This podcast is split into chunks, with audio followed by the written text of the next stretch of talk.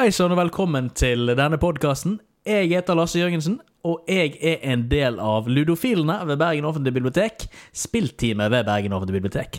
Eh, Dette her er vår spillrelaterte podkast, og det vi skal snakke om i dag, det er hva vi gleder oss til i eh, spillåret 2021. Eh, Med meg i dag så har jeg mine kolleger og venner fra spillteamet. Eh, Grim, god dag, Grim. God dag, Lasse. Jeg har òg med meg Helene. Hallo, Helene. Hallo igjen. Eh, og vi, eh, vi gleder oss jo til med alle de tingene som skjer i år, men vi er ikke kommet så langt i tankene at vi kan tenke på resten av året før vi egentlig har snakket om hva som har skjedd tidligere. Vi kan jo begynne med deg, Grim. Hva er det du har spilt nå siden julen? Har du fått tid til å spille i det hele tatt? Det har i hovedsak gått i uh, ranked på, i Tekken 7. Ja. Og så har jeg sjekket ut litt uh, No Man's Sky, uh, faktisk. ja, jeg så jo at du spilte Strowman Sky her på diverse kanaler. Eh, Spiller du VR, eller spiller du bare ordinært eh, på No Man's Sky? Um, jeg har ikke spilt det mer enn sånn to-tre timer maks, så det er mest sånn utforsking av spillet generelt sett. Jeg har jo et, Ja, men altså, er, er dette med VR-briller eller ikke? jeg har, jeg har jo et par et sånn VR uh, Oculus Rift. Um, Ah. Men rommet jeg spiller i, er liksom ikke veldig godt designet for VR. Men jeg har prøvd det med VR, og det virker som om at det kan fungere. Det er visse Ja. ting som kanskje er litt for Veggene mine er litt for tette til at jeg kan strekke meg ut med armene og den slags, men vi får se om det blir en VR-opplevelse fremover, eller om det bare blir lettere å spille med mus og tastatur. Ja, Det høres spennende ut, iallfall. Hva med deg, Helen? Har du hatt mulighet til å spille noe særlig nå eh, siden julen? Ja, spillet som jeg har eh, blitt litt hekta på, eh, det er Immortals Phoenix Rising. Ja.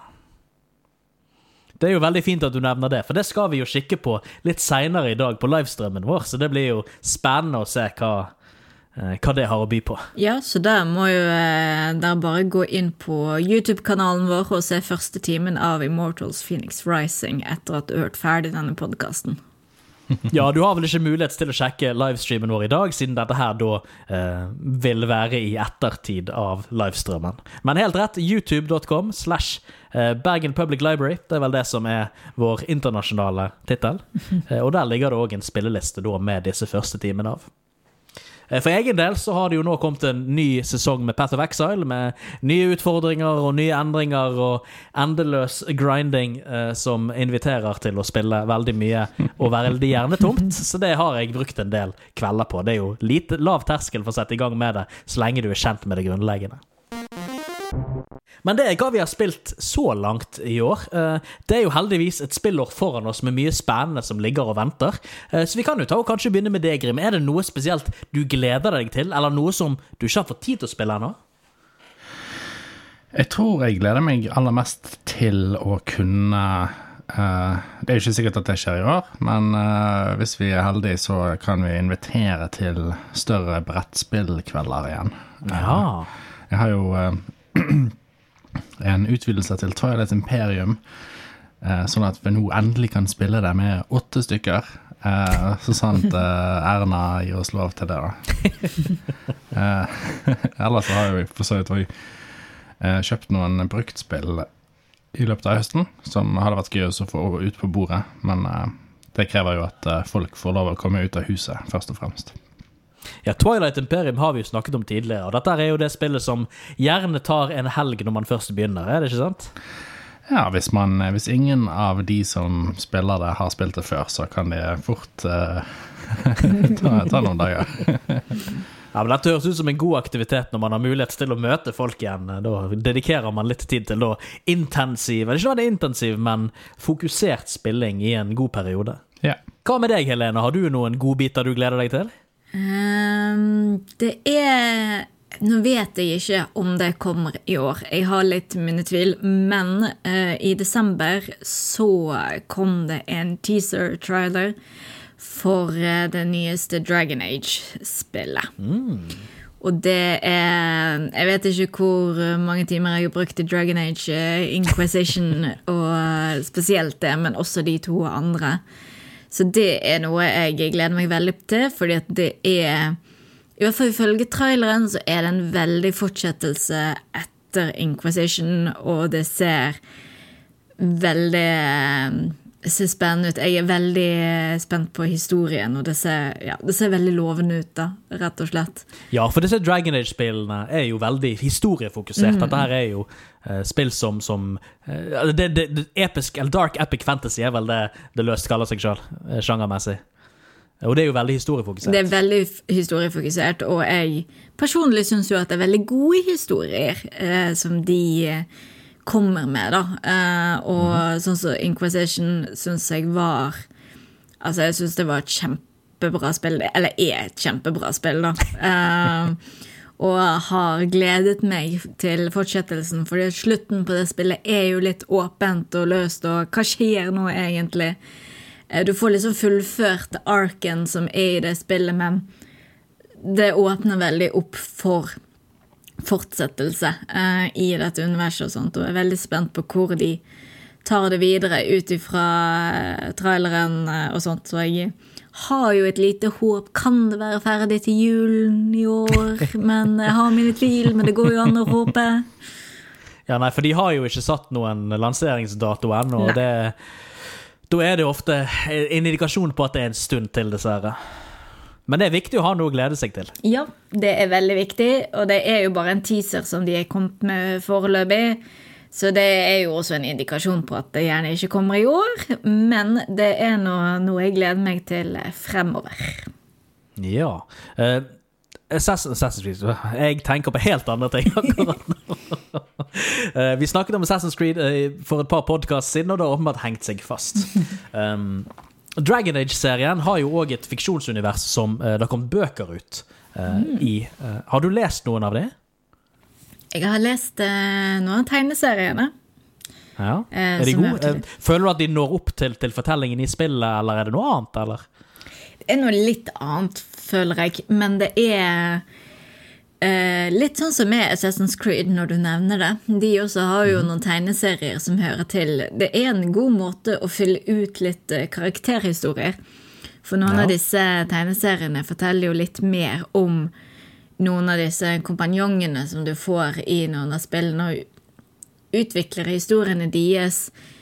Eh, fordi det er ikke nødvendigvis sånn at det er nok til et spill, hvis det gir mening. At det, det er liksom nok å fortelle det gjennom det formatet der. At, eh, for det er ikke så veldig mye mer. Men du får en liten sånn utvidelse. Og så eh, er det litt sånn filler for eh, liksom mellom spillene, da. For å få litt mer eh, historie eh, av det som har skjedd imellom de forskjellige spillene. Ja, det er jo flere og flere eh, fortellingsfokuserte spillserier, eller spill generelt sett, som tar i bruk da tegneserier eller bøker eller andre typer medier for å fylle da inn eh, i mellomrommet mellom spillutvidelsene. Mm. Eh, og dette syns jo jeg er en kul eh, måte å sammensmelte eller å utvide spilluniverset på. Så egentlig er jeg veldig positiv til dette her, men det er jo ikke alle seriene som er like vellykket da, når det kommer til adopsjonene. Og det er jo dessverre sånn det ofte er, spesielt på filmfronten mye som gjerne skulle eh, ikke sett dagens lys. Eh, jeg har jo for så vidt noen eh, Silent Hill-tegneserier uh, her i uh, bokhyllen bak meg. ja. Og uh, det er jo Jeg tror det er, jeg tror det er vanskelig på mange måter å få, få den samme følelsen. Fordi at av forskjellen i mediene, rett og slett. Det er noe annet å eh, lese om noen andres opplevelse eh, enn det er å være eh, å, å ha den opplevelsen sjøl. Absolutt. Ja, nei, Jeg er helt enig med deg. og da, En av de fantastiske tingene med spill når det kommer til fortellinger, er at du er ikke bare en passiv, eh, en, passiv person som ser på dette. Du må aktivt gå inn i å gjøre dette. Du tvinger fram handlingen sjøl. Ja, så klart, utvikleren har jo laget disse tingene. Tingene kommer som konsekvens av deres programmering, men samtidig sitter du der med kontrollen i hendene, med hånd eh, på tastatur og på mus. Det er du som må framtvinge at disse tingene skjer. Så får, jeg syns at du da får en mer tilknytning til faktisk hva som skjer da i spillverden, som i effekt da eh, gjør For meg gir det iallfall at historien da får sterkere eh, eh, impact på meg. Eh, jeg føler at det, liksom, det, det er mer mitt enn bare noe jeg ser på. Ja, så det, Ja. det er annerledes å lese eh, Walking Dead, eh, den grafiske romanen, og så spille Telltale Games sin Walking Dead og måtte trykke knappen for hver gang du skal hogge den øksen inn i beinet på um, en person. Uh, det er Ja, veldig annerledes. husker jo så klart alle alt det du gjør, og så ingen liker jo det du gjør i Telltales Games. Eh, generelt sett så vinner man aldri. Ja, og det er eh, hvis, det, hvis dette er en film, eksempel, så kan du alltid se vekk til, eh, til dette øyeblikket er ferdig, mens eh, ja, eh, Ja. spillet tvinger deg gjennom det på en måte som, eh, som du ikke får gjennom andre visuelle medier. Da, i det minste. Ja, det er kanskje vanskeligere å gjemme seg bak en pute når du òg er nødt til å se på hva som skjer på skjermen, for å kunne fullføre den utfordringen som ble presentert til deg. Eh, Men litt tilbake til eh, Dragon Age. Har du spilt noen av Dragon Age-spillene, Grim? Jeg begynte vel på uh, Inquisition, det er det som kom ut til PlayStation 4. Ja. Ja. Jeg begynte vel på det. Spilte i det sikkert ja, 30 minutter, eller noe sånt. Eh, For sånn fem år siden. Eh, Husker du hva inntrykket det var? Eh, Åpenbart så har jo det ikke hengt seg fast som noe som, som Altså Hvis du har brukt 30 minutter, så har du ikke gått så dypt inn i det. Nei, eh, det var jeg, jeg tenkte vel som jeg veldig ofte gjør med, med spill jeg ikke allerede har en ganske dyp kunnskap til. Det at Oi, her- det her var litt mye. Eh, kanskje seinere. Ja, det er jo veldig overveldende å sette seg inn i alt dette her, da, så det er jo så mye historie og så mye kontekst rundt at, at ja. du Ja. skal være klar for å lese en bok når du setter deg ned med et sånt spill. Ja, Ja, når altså, du vet at det er liksom uh, hundrevis av timer foran deg, eh, så, er, blir, så den ideen om at hey, jeg skal bare sette meg ned og spille litt, det er liksom Den forsvinner litt. Ja, altså Inquisition liksom, Inquisition er ikke akkurat spillet du bare begynner på uh, uten kontekst. Uh, jeg ser den. Ja, det er jo en, et problem, eller problem, det er jo en utfordring med sånne historietunge spill, med at eh, da skal du være klar for den type opplevelsen. Det er ikke bare sånn som altså Det finnes så forskjellig mange, mange forskjellige typer spillopplevelser, og de historietunge er at da skal du være klar for å bli fortalt en god historie som, skal da, som, som du må forholde deg til på en helt annen måte enn et spill som Super Mario Bros, der du bare skal løpe bortover og ta penger. Eh, det er jo helt Ja. andre måter å forholde seg til spillopplevelsen. Ja. Absolutt. Og, og hvis, jeg føler når det kommer til historiespill, så er jo, jo mer filmatisk eh, opplevelsen er, jo lettere er det for meg å sette meg ned med det. Sånn som GTA, for eksempel. Det er jo gjerne 60 timer pluss man bruker på det, men fordi at det blir fremstilt som en mer filmatisk opplevelse, så er det lettere å bare sette seg ned og så bare sånn Å ja, nå blir øynene mine underholdt. Eh, og dopaminet mitt blir, eh, eh, blir glad fordi at jeg eh, trykker på de riktige knappene. Altså, du tenker at det Er det fordi fortellingen ikke krever så mye interaksjon at du da eh, setter pris på hvordan GTA gjør det? Eh, muligens. Eh, jeg har nylig funnet en YouTube-kanal som jeg liker veldig godt. Jeg husker ikke nøyaktig hva den het, men jeg hørte gjennom en sånn veldig grundig oppsummering av alle Neverwinter Nights-spillene. Og den videoen var på sånn to timer og tre kvarter eller noe sånt. Eh, og det var jo kjempespennende, kjempeinteressant konsept. Eh, men jeg hadde jo aldri orket å spille de uh, tusenvis av timene det hadde vært å, å faktisk spille det. Nei, har du ikke spilt noen av Neverwinter Night-spillene originalt sett? Jeg har ikke spilt noen, nei. Men det høres jo kjempegøy ut. Uh, jeg elsker konseptene som er bak veldig mange av de ideene som er gjort i de spillene. Uh, men det er en sånn Jeg kan sette meg inn i metakommentaren på det, men jeg orker ikke å spille det sjøl. Ja, men det er heldigvis det er en fin ting med YouTube at man har mange sånne law dumps og law uh, walkthroughs, stories walkthroughs, som gir deg en oversikt over fortellingen, uh, uten at du nødvendigvis trenger å spille spillet. Ikke at det alltid er positivt, men uh, sånn som du nevnte tidligere om at det blir litt overveldende med, altså det er så mye man må sette seg inn i med en Inquisition, mm. da har man mulighet til å kunne reviewe deler av historien på en, på en rimelig avslappet måte, og likevel da føle ok, nå, nå er jeg opptatt av dette, jeg vet hva greiene er. Eh, Men vi tar og hopper litt videre. Jeg gleder meg veldig til Monster Hunter Rise kommer. Eh, Nå fikk jeg en Nintendo Switch til jul. Eh, Det er jo veldig, veldig fint, fordi! Monster Hunter Rise er jo Jeg har brukt den mye, jeg liker den veldig godt. Eh, Monster Hunter Rise er jo et Switch-eksklusivt spill, i alle fall eh, til å begynne med. Så da må jo man så klart ha en Switch for å kunne spille det.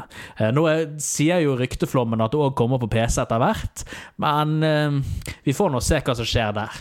Så jeg gleder meg til det kommer. Jeg er jo veldig glad i å jakte på store monstre med rare våpen. Eh, Så dette her blir uansett Jeg vet jo hva jeg får, og jeg gleder meg til å få det. Så det er ikke liksom den nye opplevelsen jeg ser etter. Det er liksom bare å få mer av det som jeg er kjent med fra før. Um, vanligvis er jo Monster Hunter-serien best når man spiller det sammen med andre, eh, men moderne konsoller krever jo et betalingsabonnement for å spille det online, noe jeg er superkritisk til, fordi jeg føler at har du betalt full pris for et spill, så virker det veldig rart å måtte betale et abonnement i tillegg for å bruke innholdet i spillet. Ja. Eh, Så om jeg kommer til å ende opp med å krype til korset og faktisk betale for abonnement for å kunne delta multiplayer på dette her, eller om jeg bare holder det til en enkeltspilleropplevelse og venter på PC for multiplayer, det får jeg heller se på, altså. Har du, Helene, spilt noen av Monster Hunter-spillene? Jeg har sikkert spurt deg tidligere, men jeg er òg veldig glemsom. Nei, eh, jeg har ikke det. Men det er et av de spillene som ligger på en sånn eh, liste over eh, Har lyst til å spille én gang. Men nei, jeg har ikke kommet meg inn i den. Det har jeg ikke. Nei. Er du kjent med, med konseptet, hvordan, eh, hvordan hva opplevelsen, hva spillet tilbyr? Eller, eller er dette, ville det vært blindt i tilfelle hvis du skulle gått inn i det? Litt grann blindt, men jeg har sett eh, noe. Men det var eh, ikke den nye eh, Altså ikke denne utgaven, på å si, men jeg lurer på om det var 3DS. Eh, var, det til, var det et av spillene til den som jeg har sett eh, lite grann bli spilt? Og ble intrigued. Eh, og den kom på listen. Eh, og så har jeg vel sett noe spilltrailere, men det er Jeg vil si at det er mest blindt, for jeg har ikke gjort så veldig mye research på det. Kanskje hvis jeg hadde gjort det, så hadde jeg eh, tatt og skaffet meg det. Ja, men ofte er utfordringen at det er jo Vi, i, vi har luksusproblemet at det kommer så mye gode spill som trenger veldig mye tid og liksom få skikkelig eh, For å få den verdien man føler det fortjener. Ja. Eh, og da må dessverre noe filtres ut. Og da kan det hende at sjøl gode opplevelser Monster Hunter World, eller Monster Hunter Rise i dette tilfellet, og faller utenfor eh, noen folks eh, tidsmuligheter, rett og Det, jeg tror veldig på det. Det er så mange Du blir eh, blind for alle de gode spillene. Eh, og noen ganger så går man glipp av noe. Men det er da det er fine muligheter å oppdage ting seinere. har jeg opplevd veldig ofte at uh, du er litt sein til festen, men når du er kommet til festen, så er det skikkelig fest. Ja, men det er bra. Så er det jo også at det blir kanskje en mer personlig opplevelse òg, fordi du, du opplever det utenfor mainstream, men du er ikke påvirket nødvendigvis av det som skjer rundt deg, eller av det som folk snakker om rundt deg om dette spillet. Mm. Og da får du så klart en egen analyse av det. Det er, det er jo som sagt en mye mer personlig opplevelse, kanskje. Vet alle Hva med deg, Grim? Beklager. Eh, nei, det- altså det er bare Nachspielet er, er jo den beste delen av festen. Det er jo bare sånn det er. Eh, Det er sant. Spill nachspielet, det er absolutt ikke å undervurdere. man, kan få kjøpt spillet på tilbud, på sånn julesalg. Slipper å betale 600 kroner. Man er bare sånn Å, dette var 60 kroner, ja. Hmm. Da blir det kanskje Det enda fantastisk. bedre, fordi at du har ikke brukt så mye penger.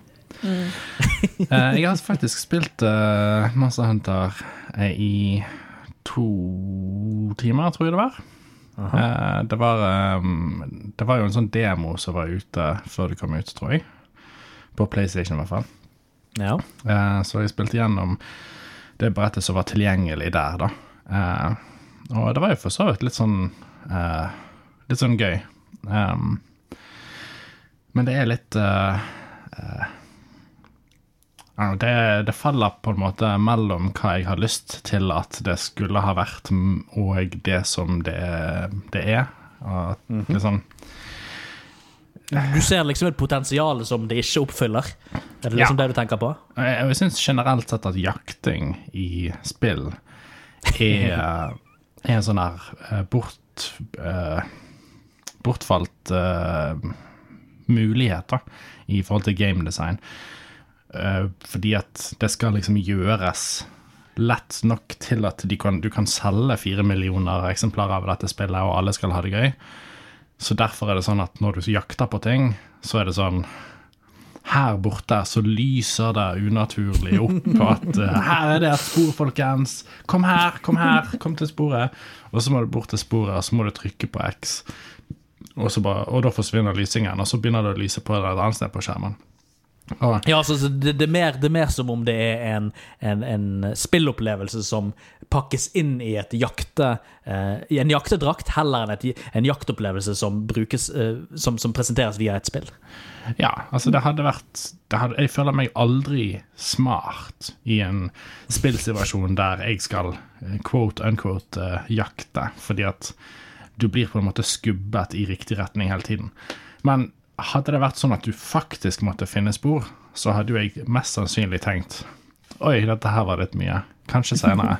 Og så hadde jeg aldri sett på det igjen. Så det er jo en sånn uh, urimelighetens uh, krav. Uh, altså, det, høres, ja, det høres jo veldig ut som altså, din forventning til dette her var noe helt annet enn det du fikk. Og det er liksom litt sånn her mm, Da er ikke det helt det du så etter. Ja, og så er det òg litt sånn hyklersk av meg. Altså, I fjor, et av mine favorittspill var jo Far Cry Primal, som òg har noe sånn lignende eh, jaktting. Men jeg føler òg kanskje at det var, som, det var såpass pulpy og B-filmaktig at ja, det, det, går helt fint. Der, er ikke det, der har jeg ikke så mye forventninger til. Nei, For min egen del så er det jo òg at hvis jeg får noe anbefalt av andre, så er jeg superskeptisk til det. Av en eller annen grunn. Så det er òg hvis man da hører eh, noe positivt om et spill fra andre, så tenker jeg nja, er dette egentlig helt for meg? Eh, så, så, å kunne oppleve ting òg på egne premisser tenker jeg er viktig, Fordi da får man Altså, man blir ikke så farget av, av hva andre forteller deg. Det blir da igjen en mer personlig opplevelse, som jeg syns er viktig. Mm. Ja. Men hvis vi kan gå litt tilbake Jeg hørte dere uh, nikket samtykkene. Jeg hørte dere nikket over internett. Samtykkene. Når jeg, når jeg nevnte det med abonnementsløsninger på Switchen. Er det noe dere har sterke meninger om? Altså, hvordan, dette er jo en, en generell bevegelse som har skjedd på konsoller. At ønsker du å bruke online-funksjonaliteten, så må du betale et abonnement. Hva tenker dere om det? Vi kan jo begynne med deg, Grim. Jeg syns det er uh, det, det, For det første så er det kjipt. Det er altså bare kjipt sånn generelt sett. Du har nettopp kjøpt et spill, og noen har anbefalt det til deg. Og kom an, da, så kan vi spille online. Og så kjøper du det, og så bare sånn Å ja, riktig, jeg må ha en sånn der eh, PlayStation Plus, eller noe sånt. Og så bare Å, ah, faen, jeg har ikke PlayStation Plus, og eh, så må du kjøpe mm. det.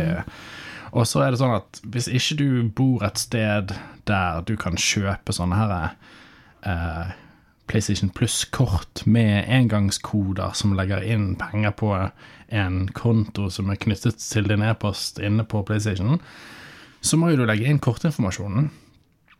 Og, eh, og det har jeg gjort før, da. Eh, men for å få avsluttet eh, en sånn PlayStation Plus-sak, så må du liksom sende e-poster med uh, Sony, fordi at det er, noen, det er ikke noen knapp inne på PlayStation som sier 'avslutt abonnement'. Uff. Så det er, jo, det er, jo, veldig tydelig at dette her er bare en ting som er lagd for å tjene penger. Selvfølgelig, online-tjenester koster jo noe å opprettholde servere og alt det der, men bak det inn i prisen på spillet. Ikke mm. krev det inn i ekstra, så, som i mikrotransaksjoner. ja, ja, hva tenker du, Helene? Er du enig med hva Grim sier, eller har du et, et helt annet perspektiv? Altså, det spillet som jeg spiller online, er League of Legends, så jeg føler at det gjerne sier hva jeg tenker om å betale for å spille med andre. Um, nei, altså, jeg syns Kanskje et problem som jeg føler, i hvert fall, er ofte at jeg føler ikke at det gjerne er godt nok kommunisert. At du faktisk må betale for å spille online eh, med andre på noen spill. Um, men nei, jeg syns jeg syns det er for kjipt å måtte ha et separert abonnement for å kunne spille.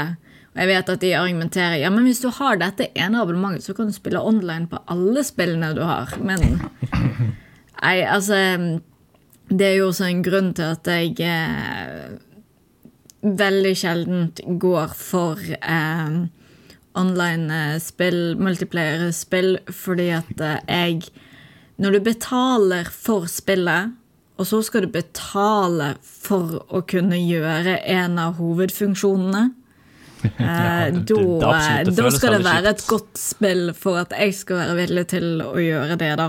Eh, ja. Og, og i de aller fle- fleste tilfeller så er det heller ikke kryssplattform på disse spillene. Så du kan ikke spille f.eks. Tekken 7 med en venn av deg som har Tekken 7 på Xbox, eller Tekken 7 på PC. Så Ja. det er litt sånn Hva er det du egentlig betaler for? Jeg kan jo nevne der at altså, på PlayStation Plus så får du tilgang til å spille online. Eller, det er nødvendig for oss å kunne spille online i veldig, veldig mange spill. Men du får jo òg tilgang til massevis av sånn gratisspill. Månedens gratisspill.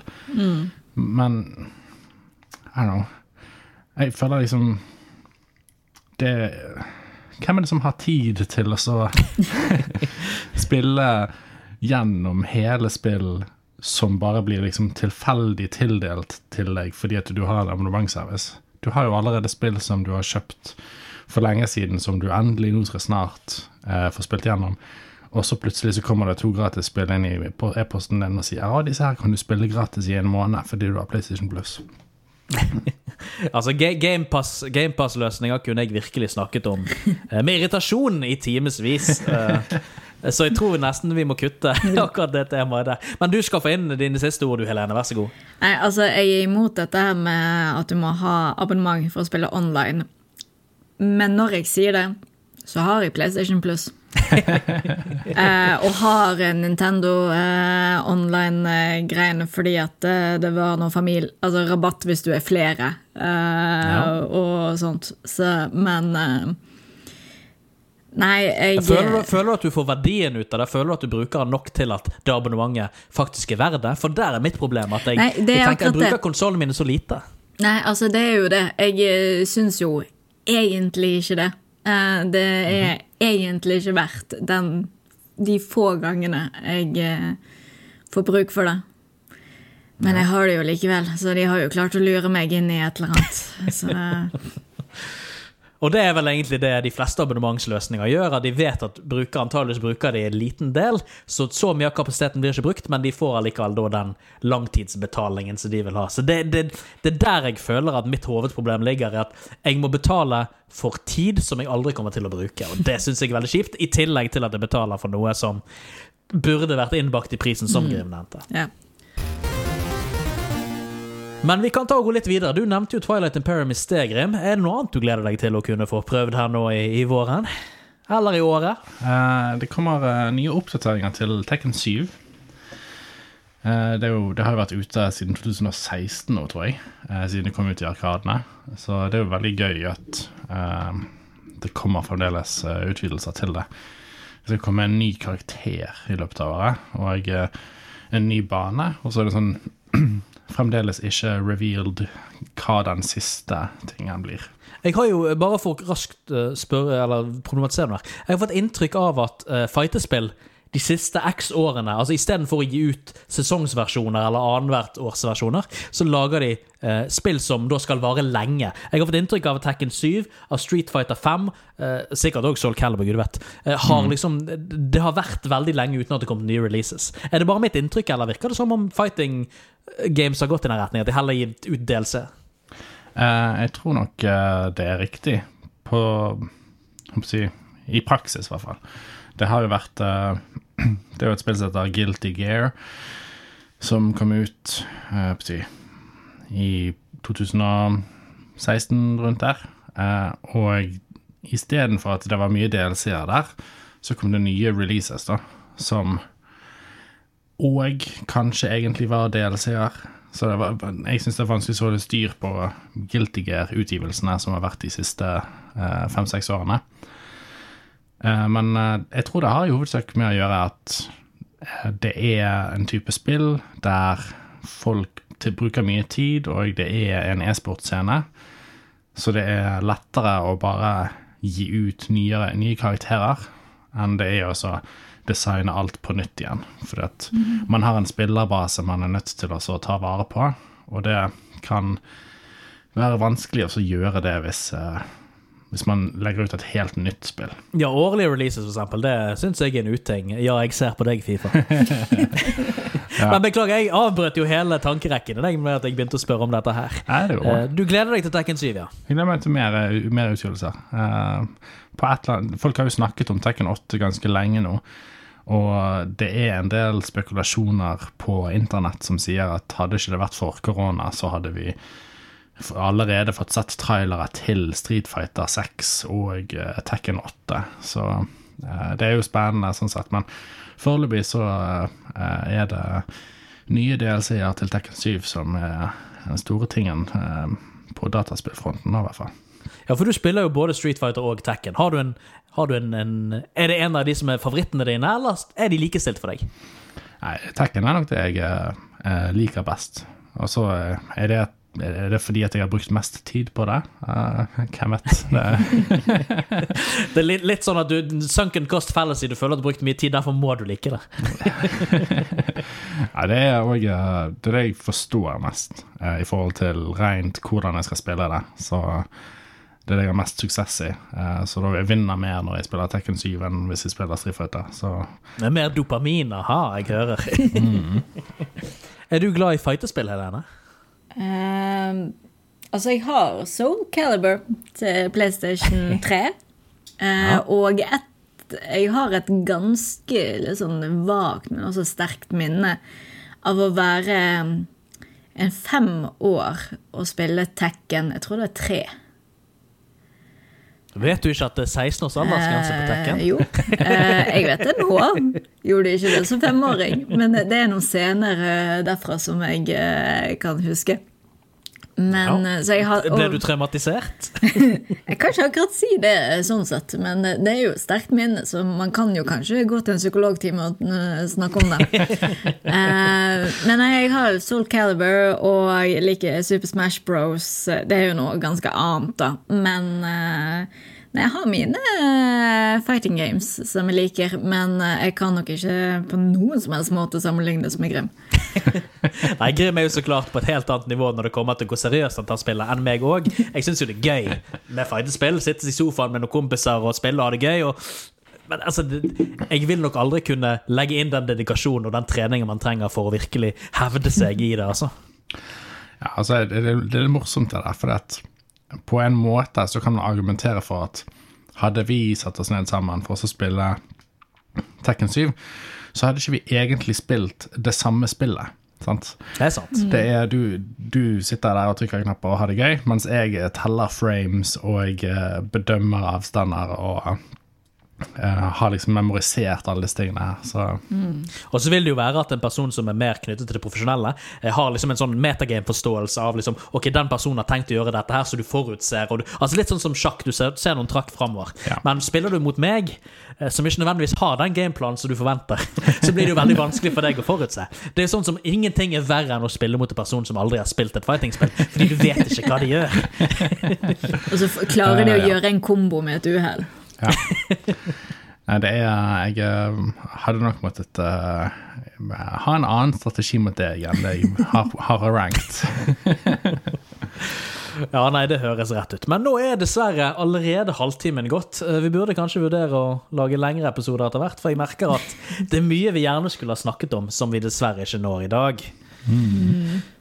Men vi får nå ta og si farvel fra oss her, da. Vi er nødt til å gjøre oss klar for livestrømmen som nå begynner om Vel, litt over, litt over en time her hos oss. Eh, dere som hører på denne podkasten i ettertid, kan jo så klart gå på YouTube og se eh, livestrømmen vår som eh, video on demand.